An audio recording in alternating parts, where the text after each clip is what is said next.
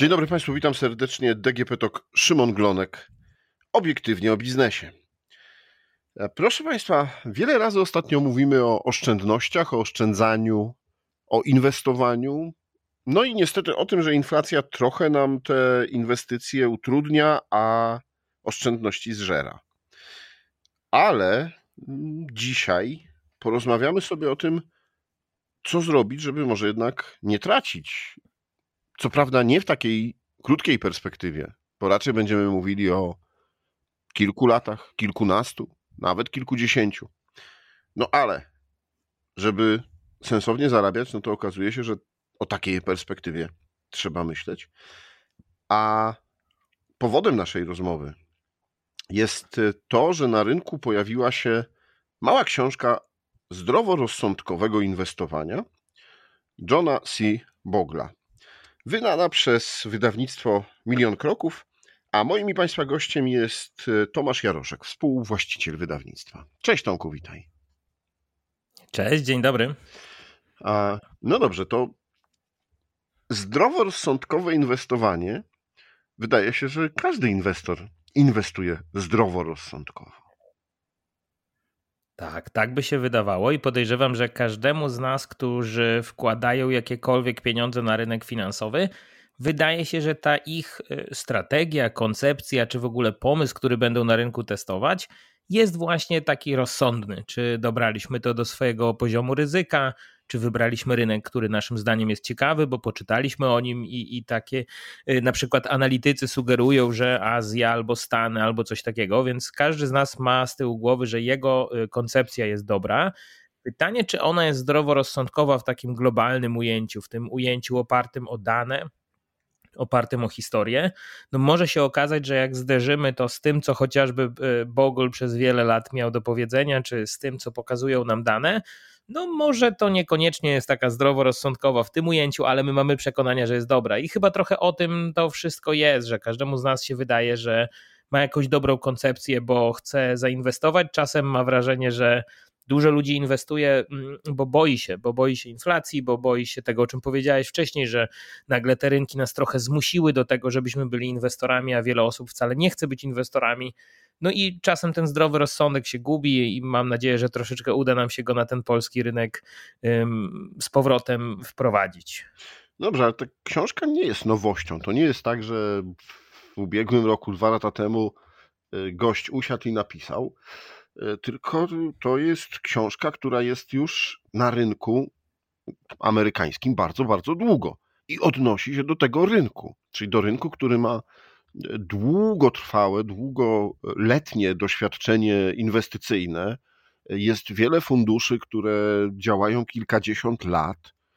Jak ona może polskim inwestorom, gdzie rynek, no okej, okay, kilkadziesiąt, czyli 30 lat powiedzmy mamy ten rynek finansowy, e, ale no to nijak się ma do 70, 60, 50-letnich inwestycji, funduszy, indeksów, które można obserwować, sprawdzać. No jest to tytuł faktycznie kultowy na rynku amerykańskim jak e, w tym roku e, byliśmy na zgromadzeniu walnym e, spółki Berkshire Hathaway, czyli tej spółki Warrena Buffetta, to tam zawsze jest taki kącik z książkami, jest taka półeczka tych książek, które każdy inwestor musi przeczytać. No i jest tam oczywiście inteligentny inwestor Benjamina Grahama i zaraz obok jest właśnie ta mała czerwona książka Johna Bogla, którą w Stanach znają doskonale. To ostatnie wydanie było zaktualizowane, jeśli mnie pamięć nie myli, w 2017 roku. Y, John Bogle zmarł w 2019 i to jest takie coś, że w Stanach w zasadzie temu człowiekowi stawia się pomniki i mówi się, że zrewolucjonizował inwestowanie do tego stopnia, że to my, inwestorzy indywidualni, zawdzięczamy mu najwięcej. No, natomiast w Polsce, tak jak wspomniałeś, ten młody rynek bardzo często w ogóle Johna Bogla nie zna i tego zdroworozsądkowego podejścia nie zna. Książka oczywiście odnosi się w dużej mierze do rynku amerykańskiego, no bo Bogle, podobnie jak Buffett i te wszystkie legendy Wall Street, no oni patrzą przez cały pryzmat rynków finansowych, rynków kapitałowych, tego kapitalizmu, że ta Ameryka wiedzie prym, że to jest ten rynek największy, najważniejszy, że jego na pewno mamy w portfelu, no i wypadałoby mieć trochę reszty świata, w tym gdzieś tam ta Polska po przecinku jakoś cyferką jest, ale dla nich to są Stany Zjednoczone i do tego dokładamy resztę świata. Dla nas największy rynek jest resztą świata. I wydaje mi się, że z perspektywy polskiego inwestora Raz, że te zasady, które są bardzo uniwersalne, mówię o tej szerokiej dywersyfikacji, o tym długim terminie, o tym, jak w ogóle patrzeć na te rynki finansowe w swoim życiu, życiu swojej rodziny, bo my w ogóle jeszcze nie doszliśmy do tego etapu, że inwestujemy pokoleniowo. U nas bardzo często pierwsze pokolenie dopiero buduje ten majątek na rynku kapitałowym.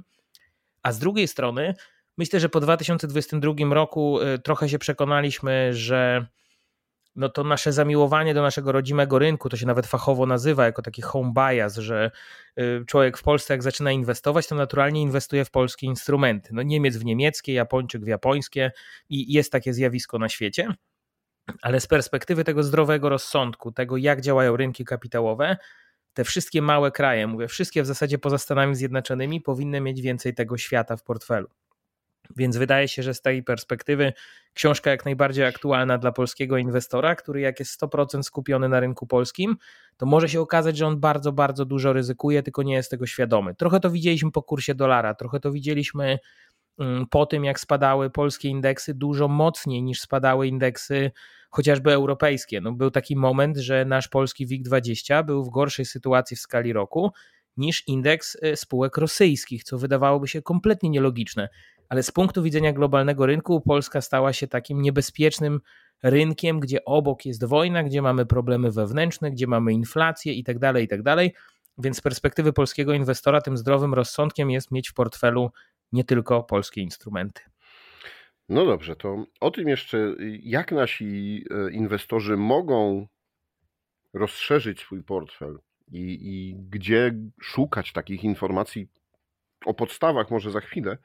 Natomiast ja chciałem powiedzieć, bo jestem w trakcie lektury tej książki, e, ale już ku końcowi się zbliżam i tak sobie myślę, no kurde, facet nie, nie odkrył Ameryki.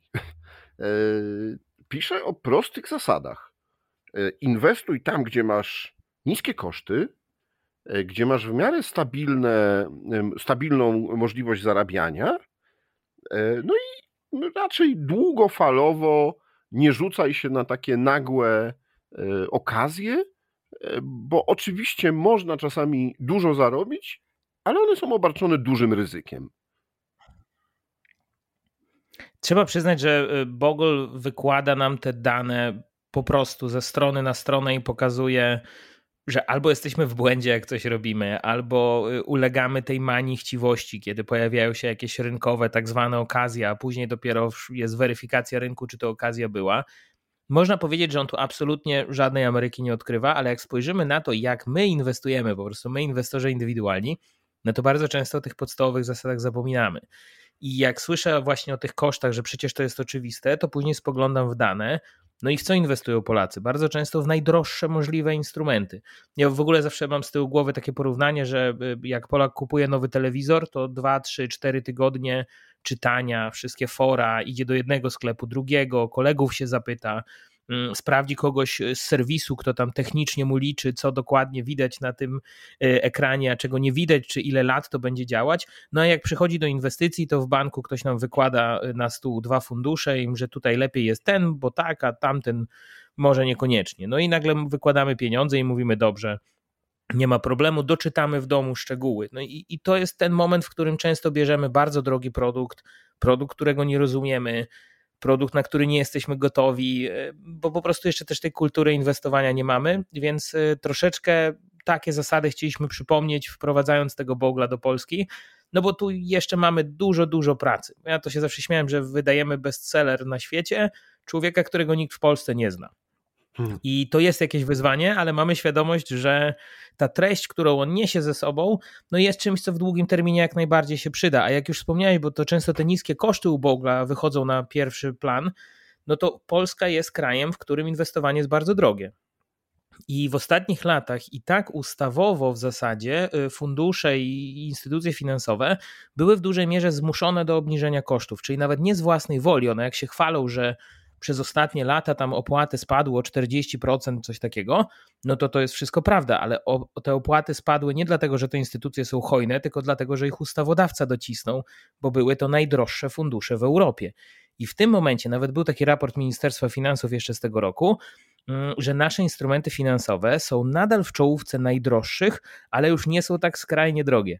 Więc z tego punktu widzenia, jakby ten polski inwestor y, bardziej przykładał uwagę do tego, jakie koszty ponosi w czasie swojego inwestowania, to by było naprawdę super. Jak tą jedną, jedną, jedyną rzecz y, z tego bogla zapamięta, to i tak to mogą być naprawdę tysiące złotych w skali prowadzenia tego portfela, bo nas y, na początku bardzo interesują procenty. Dopiero później rozumiemy, jakie za tym stoją konkretne kwoty, bo jak zaczynamy inwestować, no, czy tam jest 1,5% opłaty, czy to jest tak dużo 1,5%? Chyba nie. Ale jak już na tym portfelu by nam się uzbierało kilkaset tysięcy złotych, bo w długim terminie mówimy o takich kwotach, no to te 1,5% już jest bardzo wymierne i później zaczynamy się zastanawiać, dlaczego ta firma bierze kilka tysięcy złotych rocznie i za co. A okaże się, że analogicznie możemy mieć bardzo podobny produkt za 0,5%. Te pół punkcika procentowego nagle oznacza, że my naprawdę dramatycznie przepłacaliśmy, tylko nie czuliśmy tego na małych liczbach, a odczujemy dopiero na dużych. Więc gdyby po tej lekturze zostało nam to, żebyśmy przywiązywali większą uwagę do kosztów, to myślę, że i tak by był naprawdę duży krok dla polskiego rynku kapitałowego.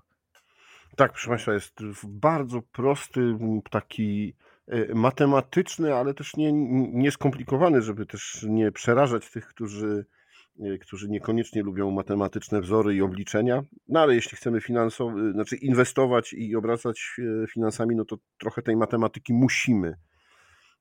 Takiej najprostszej, nieskomplikowanej, znać i, i zrobić obliczeń.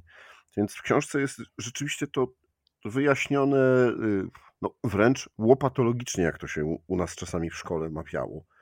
E, dlaczego warto w ten sposób, dlaczego warto długo myśleć o inwestycji, tak? Bo, bo rzeczywiście te 1,5%, 1% czy 0,5%, jeśli zaczynamy przerzucać pomiędzy naszymi funduszami, no to wtedy opłaty e, zżerają bardzo często e, zyski. No dobrze, Tomek, ale to w takim razie powiedzmy, zachęćmy naszych inwestorów do tego, y, gdzie oni mogą poszukać takich instrumentów, y, które byłyby właśnie instrumentami nisko oprocentowanymi, nisko kosztowymi e, i instrumentami długofalowymi. Ja się bardzo cieszę, że wydajemy tę książkę w 2022, bo gdybyśmy ją wydali kilka lat temu, to ten polski inwestor przeczytałby książkę i usiadłby do rynku, a na rynku nie za wiele było do kupienia w Polsce, bo mieliśmy bardzo mało instrumentów, o których Bogol pisze. Mieliśmy jeszcze za mały dostęp do rynków zagranicznych, albo ten dostęp był drogi. No bo nie da się ukryć, jak ktoś kilka czy kilkanaście lat temu kupował zagraniczne spółki do swojego portfela, to bardzo często ponosił bardzo wysokie prowizje. I te domy maklerskie nie były jeszcze jakieś super chętne do tego, żeby to wszystko oferować. Zdecydowanie ta sytuacja zmieniła się na lepsze. Tu, tu już nie musimy narzekać. Tu mamy szeroki dostęp do tych instrumentów i musimy troszeczkę ich tylko poszukać w tych naszych kontach maklerskich. Mm, dzisiaj też mamy sporo ETF-ów już na naszej polskiej giełdzie papierów wartościowych, więc już ta filozofia Bogla z tej teorii wchodzi troszeczkę w praktykę. No ale kluczowe jest to, żebyśmy przeszli po pierwsze z aktywnie zarządzanych funduszy, tych, które są najdroższe, tych, które płacą zarządzającym, więc z założenia będą mieć dużo wyższe opłaty, na te fundusze pasywne, które dają nam to, co da nam rynek. I taką rewolucją, którą wykonał Bogle, było w zasadzie indeksowanie. Nie chcieliśmy używać tego mocno słowa przy tłumaczeniu, bo to takie dziwne polskie słowo, o co z tym chodzi. Generalnie chodzi o te indeksy giełdowe, czyli tak jak ja mam chociażby WIG20, to jest przecież 20 polskich spółek, największych na giełdzie, no to ja mogę kupić cały indeks jednym funduszem ETF. I teraz u nas to jest skromne 20 spółek z WIG20, ale w Stanach to jest chociażby SP 500, czyli ja jednym instrumentem kupuję sobie 500 największych spółek gospodarki amerykańskiej, tych oczywiście notowanych na giełdzie, i ten indeks jest moim zarządzającym. On robi za mnie całą pracę. Jeśli jakieś spółki wypadną z tego indeksu, no to ja tego w ogóle nie odczuję jako inwestor. To się zadzieje w środku indeksu. Jeśli z tych 500 spółek 200 wypłaci dywidendy, to te dywidendy będą wędrować do tego funduszu.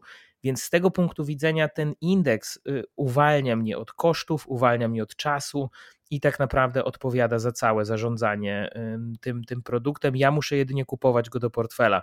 Więc z tego punktu widzenia na pewno te instrumenty na cały świat, te akcyjne, te obligacyjne, dzisiaj są w Polsce od niedawna, bo zaledwie od trzech lat, y, produkty w ogóle firmy Johna Bogla, który też stworzył tak zwane multi-asety, czyli jeden instrument, który ma i akcje, i obligacje.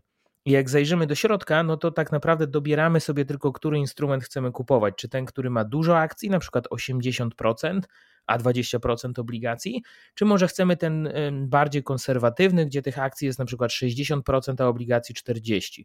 I teraz my już nawet nie musimy dbać o te proporcje, bo to ten fundusz, ten fundusz ETF będzie za nas robił tak naprawdę wszystko i jeszcze będzie to robił przy opłatach niższych niż aktywnie zarządzane fundusze. Więc to jest ta cała rewolucja, o której często pisał Bogle. I jeszcze przy okazji ona nie tylko koszty uwalnia, ale też czas. No bo to inwestowanie no zawsze super wygląda na tych reklamach, na tych filmach, te monitory poustawiane, te wykresy, ciągłe czytanie terminala Bloomberga czy różnego rodzaju informacji, tylko to pochłania dziesiątki, jak nie setki godzin czasu. A te wszystkie zdroworozsądkowe metody Bogla mówią jasno: idź do pracy, zajmij się swoją firmą, zajmij się tym, co lubisz robić najbardziej i zarabiaj te pieniądze, a te pieniądze przekazuj, żeby te indeksy robiły za ciebie robotę i uwolnij nie tylko swoje koszty, ale przede wszystkim swój czas. No tak, ale do czasu też podchodzi z drugiej strony, bo e, pokazuje wyraźnie na wykresach, na wyliczeniach, e, jak giełda rośnie, właśnie na przykładzie e, SPP 500, gdzie pokazuje, że ok, jednego roku może być wysoka inflacja, drugiego roku może być kłopot z suszą, ale globalnie, jeśli odkładasz przez 4, 5, 10, 15, 20 lat, e, czy nawet dłużej, to i tak będzie ten wzrost, bo to, o czym powiedziałeś, spółki rolne jednego roku będą słabsze czy spożywcze, ale za to, nie wiem, jakieś nowe technologie albo finansowe będą się miały lepiej. Czy w Polsce nasi inwestorzy są gotowi na taką zmianę mentalną? No bo jednak myślę, że dotąd myśmy chcieli szybko. Myśmy chcieli y, już. Ja pamiętam początek lat 90., kiedy y, na giełdzie można było jednego dnia y, zarobić na kupno mieszkania, a drugiego dnia stracić majątek całego życia. To prawda, te, te szalone czasy spekulacji, to jest u nas niesamowite, jak to się zaczynało. No ale właśnie porównujemy y, nasz młodziutki rynek, tak jak powiedziałeś, zaledwie 30-letnią giełdę papierów wartościowych z rynkiem przepotężnym, który już dosłownie możemy liczyć y, nawet nie w dekadach, a w stuleciach. Sama Coca-Cola ponad 100 lat już y, wypłaca regularnie dywidendę inwestorom, więc jest to z naszego punktu widzenia dosyć abstrakcyjne, no ale nam też w budowaniu tego majątku długoterminowego, myślę, że nie trzeba wszystkich słuchaczy tego przekonywać, każdy, kto chociaż troszeczkę uważał na historii, to doskonale wie, jak dużo przeszkód my mieliśmy, żeby ten majątek zgromadzić i żeby ten majątek przekazywać pokoleniowo. U Johna Bogla jest to taki standard, że te pieniądze, których ja nie wykorzystam w życiu, one przejdą na kolejne pokolenie. Tamte z kolejnych pokoleń może przysunęły się trochę do mnie, tak jakby cały czas ten majątek się siłą rzeczy buduje, tak jak to koło zamachowe tej gospodarki, tak jak wspomniałeś, w jednym roku te spółki radzą sobie lepiej, w drugim roku inne ale my się rozwijamy z naszym portfelem zgodnie z tym cyklem dla całej gospodarki, dla całego rynku. No w ich przypadku to zawsze jest taka dominacja rynku amerykańskiego, no ale dla nas y, raczej patrzymy na cały świat, gdzie tej Ameryki i tak jest najwięcej. Ale ten e, długi termin pozwala nam troszeczkę inaczej spojrzeć na rynek, no bo mm, przykładowo w ogóle 2022 rok jest niesamowity pod względem liczb. E, wspomniałem o portfelu tym konserwatywnym 60-40, czyli że 60% akcji, 40% obligacji. To jest teoretycznie najpopularniejszy portfel na świecie. Może nie jest to super popularne w Polsce, ale jak popatrzymy na globalne dane, to najwięcej inwestorów właśnie ma taki portfel, no bo przez lata ten rynek akcyjny dawał zarobić tych kilka procent rocznie bez problemu, jak to się uśredniło.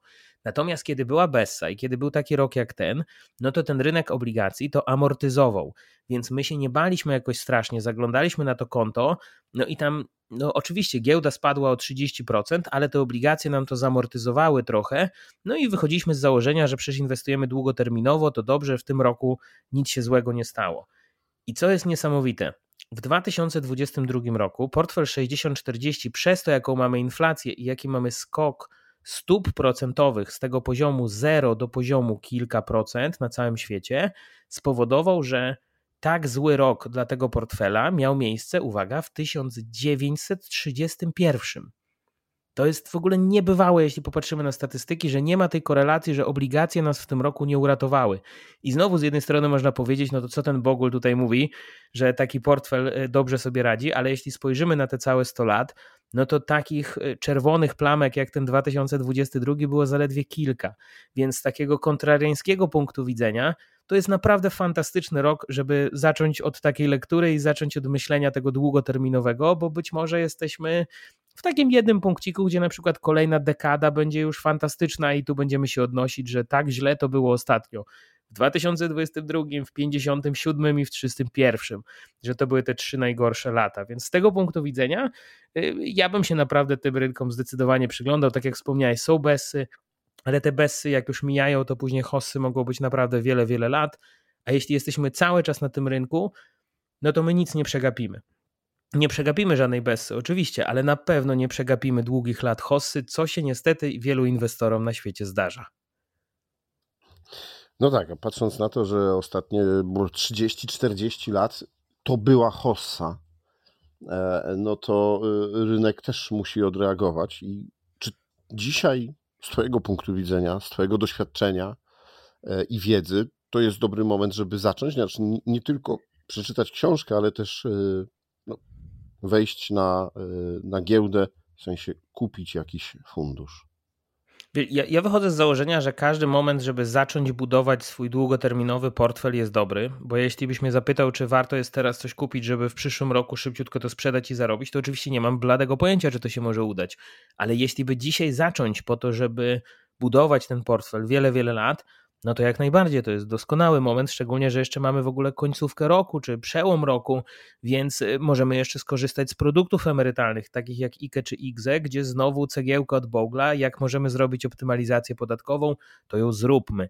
Więc teoretycznie możemy założyć konto maklerskie w postaci takiej IKE bądź IGZE i już te pieniądze nasze inwestują się bez podatku od zysków kapitałowych y, w długim terminie. Więc to jest taka malutka rzecz, a, a zawsze poprawia nastrój na koniec roku.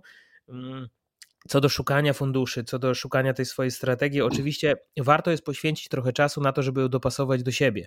Czyli czy to, co ja wspomniałem o tym portfelu 60-40, czy on w ogóle ma sens dla mnie, na jakie ryzyko walutowe ja jestem gotowy się poświęcić, ile ja pieniędzy mogę inwestować regularnie. Tak jakby warto jest trochę poświęcić tego czasu na to, żeby to nie był taki szybko znaleziony, tak jak wspomniałem o tym telewizorze, żebyśmy jednak e, troszeczkę usiedli do tego, jak do zakupu nowego telewizora, wybrali sobie ten najlepszy i wtedy kontynuowali tę strategię zgodnie z tą zasadą, że doskonale wiemy, w co inwestujemy pieniądze.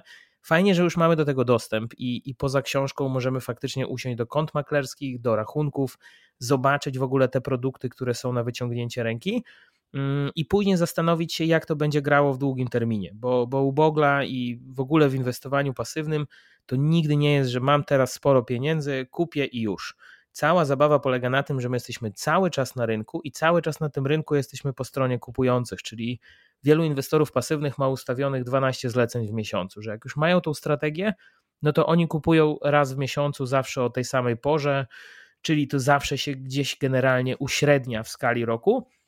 I oni zawsze będą mieć coraz większą pozycję po uśrednionej cenie. Nigdy nie będą próbować złapać, że tu jest rajd świętego Mikołaja w grudniu, a tu trzy wiedźmy, czyli wygasanie kontraktów ich to nic nie obchodzi. Oni muszą mieć coraz większy portfel i muszą go budować regularnie. I to w długim terminie pokazuje całą siłę tej no, diabelnie precyzyjnej konsekwencji. Myślę, że tego możemy trochę pozazdrościć tym inwestorom długoterminowym. No dobrze, to jeszcze powiedzmy jedną rzecz. O jakich pieniądzach mówimy? O, o jakiej wartości na wejście, y, na przeznaczenie inwestowania? Czy to jest y, dla bogatych tylko i wyłącznie, albo nie wiem, dla średnio zamożnych? Ile trzeba mieć? Ja, ja bym powiedział, że w ogóle cała filozofia w ogóle opierała się na tym, że inwestowali kiedyś tylko ci, którzy mieli więcej pieniędzy, mieli dostęp do tych. Wtedy to jeszcze było dosyć prestiżowe, że w ogóle szło się do maklera, on tam pomagał wybierać e, instrumenty i tak dalej. Natomiast e, Bogul wychodzi z założenia, że trzeba demokratyzować te rynki kapitałowe i każdy dosłownie z ulicy musi przyjść i móc kupić taki S&P 500 i to musi być relatywnie tanie, to musi być parędziesiąt dolarów, żeby każdy w tym momencie mógł zacząć budować ten swój portfel, z czasem będzie zarabiał więcej, to będzie miał więcej pieniędzy. I ja wychodzę z tego samego założenia. Czyli jeśli teraz słucha nas powiedzmy student pierwszego roku, który mówi: OK, ale ja mam 200 zł miesięcznie, czy to w ogóle ma sens? No to jak najbardziej to ma sens, bo kiedyś te 200 zł zmieni się w 500 zł, w 1500, w 5000 i tak dalej, i tak dalej. Więc z tego punktu widzenia oczywiście, że to ma sens. Te instrumenty bardzo często są takie bardzo tanie w cenie nominalnej, żeby faktycznie nie było takiej sytuacji jak na niektórych akcjach, że jedna akcja kosztuje 5000 zł i teraz spróbujmy sobie regularnie odkładać. No nie ma szans. Z reguły to jest dosłownie kilkaset złotych, które pozwala nam na już kupno jakiegoś instrumentu i żebyśmy tylko dopasowali to y, dobrze do swojej strategii. Więc ja zawsze wychodzę z założenia, że, że jeśli mało zarabiamy, jeśli mało jeszcze pieniędzy mamy, to to jest dobry pierwszy krok, żeby te wszystkie instrumenty poznać, żeby wyrobić sobie nawyki, żeby się tego nauczyć a później tak naprawdę zwiększają się kwoty w tych zleceniach. I, I, też z tego założenia wychodziłem. Teraz limit na IKE to jest chyba 17 tysięcy, w 2023 będzie około 20 tysięcy, no czyli łącznie to dosyć potężny pieniądz dla wielu Polaków i jak kiedyś jako bardzo młody inwestor patrzyłem na te kwoty, no to sobie myślałem, że to jak to jest w ogóle wykonalne, że tak sobie można 20 tysięcy wrzucić na giełdę bez problemu. No dzisiaj to jest pierwsza rzecz, którą robię, to zapełniam te limity i następne przelewy dopiero są już takie, które się w tych limitach nie mieszczą, więc no trzeba było czasu, trzeba było większych zarobków, ale zasady inwestowania tutaj pozostały bez zmian i każdego, kto mówi, że mam za mało pieniędzy, żeby w ogóle zacząć, no to właśnie w ten sposób staram się namówić, że naprawdę ta symboliczna kwota miesięczna po to, żeby się uczyć, no czasem daje nam tę wartość niezastąpioną dosłownie, że najpierw zrozumiemy to, poświęcimy temu trochę czasu, a później, jak będziemy dobrzy w tym, co robimy na co dzień, czyli po prostu e, z pracy będziemy zarabiać większe pieniądze, to po prostu zwiększą się trochę te kwoty, ale metodę Bogla będziemy mieć opanowaną i ten kapitał będzie się budował w długim terminie. Okej, okay. Tomek, y, jeśli zachęciliśmy, jeśli zainteresowaliśmy jakiegoś y, inwestora albo kogoś, kto chciałby zacząć, no i e, szuka wiedzy na ten temat, to gdzie, kiedy, czy już można kupić małą książkę zdroworozsądkowego inwestowania?